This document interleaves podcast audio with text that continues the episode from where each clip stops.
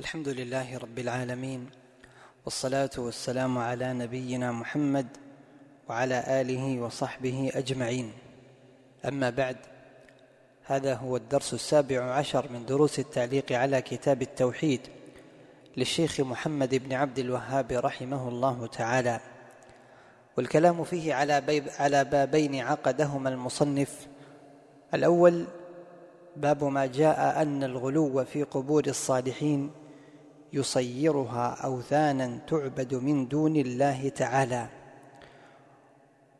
وفكرة الباب النهي عن أن يوصل الغلو بالقبور العبد إلى أن يشرك بالله سبحانه وتعالى. ولئن كان الغلو قد سبق التحذير منه في باب مضى إلا أن المؤلف خص هذا الباب بالحديث عن الغلو في قبور الصالحين لأنها أكثر ما يقع وغالب ما يقع من الضلال والانحراف والإشراك هو في هذه القبور.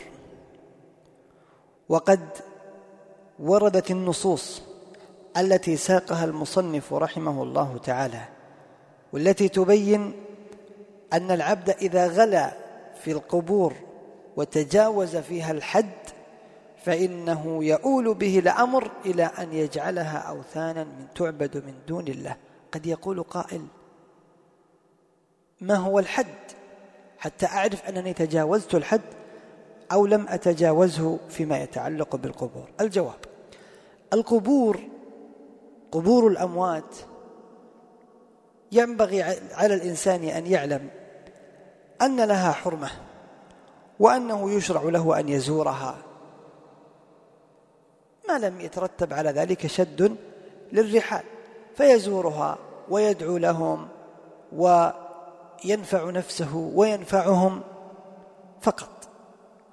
أما كونه يزوره يزور هذه القبور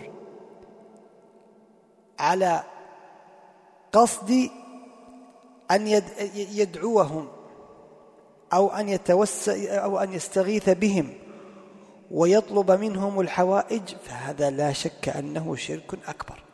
وأما زيارة هذه القبور لا بدعاء لا بقصد دعائهم وطلب الحوائج منهم وإنما فقط بقصد أن يتمسح بهذه القبور أو أن يعني يبني عليها البنايات أو أن يضع عندها السرج أو أنه يتوسل بأهلها عند الله.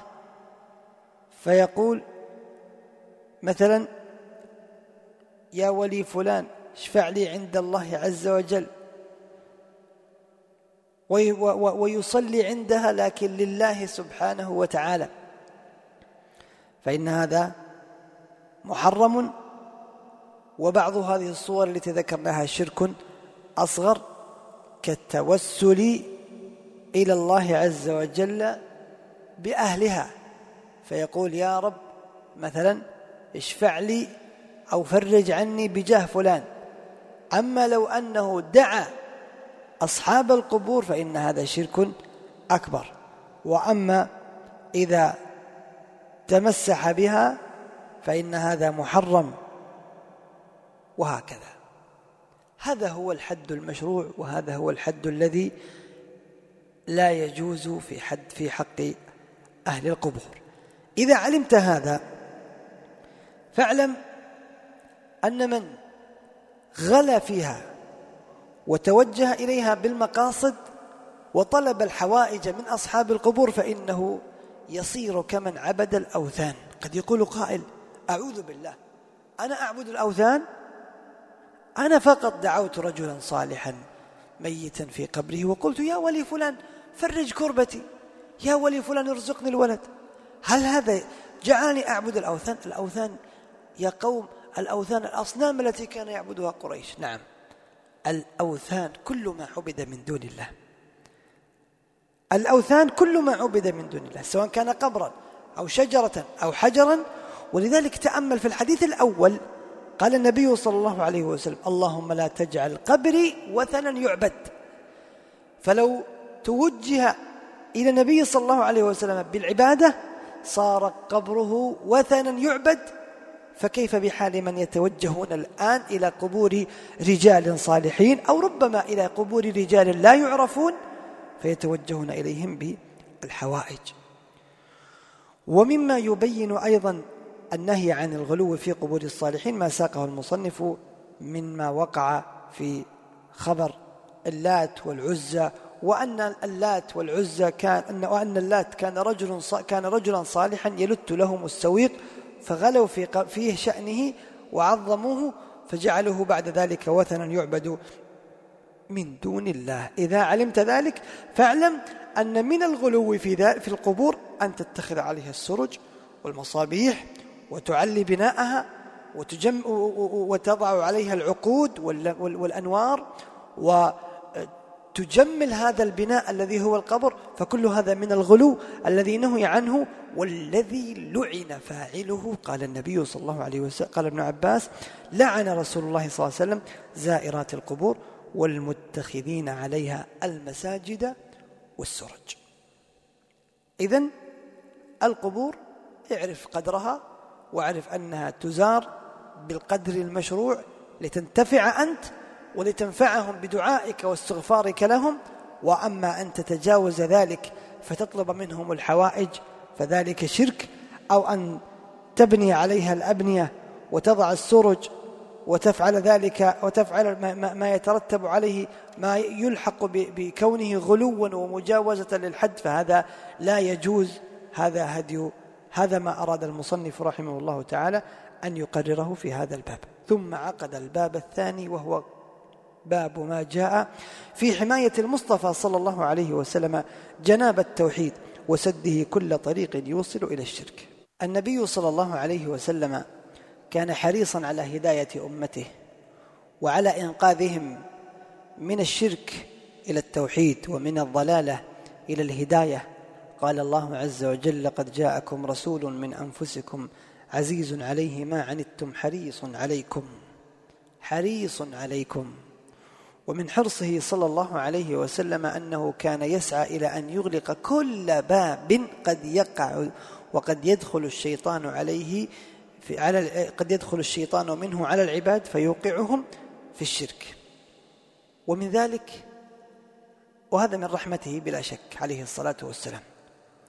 ومن ذلك أنه نهى عن أمور كي لا يؤول الأمر بالناس إلى التعظيم الذي يوقعهم إلى الشرك بالله عز وجل. قال عليه الصلاة والسلام لا تجعلوا بيوتكم قبورا ولا تجعلوا قبري عيدا. وصلوا علي فإن صلاتكم تبلغني حيث كنتم. نهى النبي صلى الله عليه وسلم عن زيارة قبره على وجه معتاد يعتاده الإنسان في كل يوم أو في كل شهر أو في كل سنة. فيتردد الإنسان على قبره ترددا يجعله كالعيد والعيد كما هو معلوم ما يعني آه، اسم لما, لما يعتاد فعله. وهذا الأمر منه عليه الصلاة والسلام كي لا يؤول الأمر بالناس إلى أن يعظموه التعظيم الذي يوقعهم في الشرك بالله سبحانه وتعالى. فمع أنه قال صلوا علي إلا أنه نهى عن معاودة قبره بالزيارة على هيئة العيد. ليس معنى ذلك أنه نهى عن زيارة قبره كلا. بل من زار المدينة؟ ينبغي أن يزور أن يسلم على النبي صلى الله عليه وسلم. وهذا له ولا يقال أنه واجب على الإنسان وأن من لم يزره فإنه مقصر في حق النبي صلى الله عليه وسلم أبدا. فلم يثبت عنه عليه الصلاة والسلام أمر صريح صحيح في كونه أمر الناس بزيارة قبره. وكل ما نقل من آثار فإنها ضعيفة جدا كقوله من حج ولم يزرني فقد جفاني وغير ذلك من الآثار التي نقلها بعض الضعفاء وهي أحاديث نقل ابن تيمية وابن عبد الهادي وغيرهم. وبعض نقاد ونقاد الحديث أنها أحاديث لا تثبت ولا تصح. إذا يبقى على الإنسان أنه إذا جاء إلى مسجد النبي صلى الله عليه وسلم فإنه يسلم عليه. ولكن كونك تعتقد أن هذا الأمر ينبغي أن تعتاده ما بين فينة وأخرى باستمرار وتجعله مثلا تعوده ما بين مرة وأخرى فإن هذا هو الذي نهى عنه النبي صلى الله عليه وسلم. كي لا يكون قبره صلى الله عليه وسلم عيدا. مع أنه قال صلوا علي فإن صلاتكم تبلغني حيث كنتم. ومما يبين لك أن الصلاة تبلغه عليه الصلاة والسلام أينما كان الأثر الذي نقله المؤلف عن علي بن الحسين أنه رأى رجلا يجيء إلى فرجة كانت عند قبر النبي صلى الله عليه وسلم فيدخل فيها فيدعو فنهاه. وقال له ألا أحدثك حديثا سمعته من رسول الله من, من أبي عن جدي عن النبي صلى الله عليه وسلم؟ لا تتخذوا قبري عيدا ولا تتخذوا بيوتكم قبورا وصلوا علي فإن تسليمكم فإن تسليمكم يبلغني أين كنتم. والحسن بن الحسن نقل عنه أنه قال لرجل رآه قال يا بني ما أنت ومن بالأندلس إلا سواء يعني أن من سلم على قبره عنده أو سلم على قبره وهو بعيد فإن سلامه يبلغه عليه الصلاة والسلام. إذا علمت هذا فاعلم أن النبي صلى الله عليه وسلم حينما سعى إلى إغلاق طرق الشرك وإلى إغلاق الطرق التي تؤول بالناس حينما يريدون تعظيمه صلى الله عليه وسلم إلى أن يقعوا في جعل قبره عيدا واتخاذه وثنا يعبد من دون الله عز وجل هذا من رحمته عليه الصلاة والسلام ومن رفقه ومن حبه لأمته ومن سعيه لإنقاذهم من الضلالة إلى الهداية. فاحرص على أن ترتبط وأن تقتدي بهديه وسمته عليه الصلاة والسلام. كل هذا لا يجعلك لا تصلي ولا تسلم عليه أبدا بل تصلي وتسلم عليه. وأيضا إذا ذهبت إلى المدينة فإذا زرت قبره من دون أن تشد الرحلة بقصد زيارة قبر النبي صلى الله عليه وسلم فإذا زرت من دون شد رحل ومن دون غلو وإنما زرت وسلمت عليه عليه الصلاة والسلام وعلى أبي بكر وعلى عمر فهذا فعله ابن عمر وهو مشروع ولكن المنهي عنه أن يتخذ هذا الأمر عيدا يعتاد ما بين فينة وأخرى وأن يزاد في الأمر فيغلو الإنسان في زيارته لقبر النبي صلى الله عليه وسلم. فلربما إذا وقف عند قبره توجه إليه بالمطالب ودعا الله ودعاه أو دعا عند دعا الله عز وجل عنده فكل ذلك مما ينهى عنه فعند قبر النبي صلى الله عليه وسلم. وفي أي موضع آخر دعاء الله عز وجل واحد ولا يجوز للإنسان أن يعتقد أن ثمة بقعة الدعاء فيها أسمع وأجوب وأحسن وأبلغ وهي لم ترد في الشرع على هذا الأمر.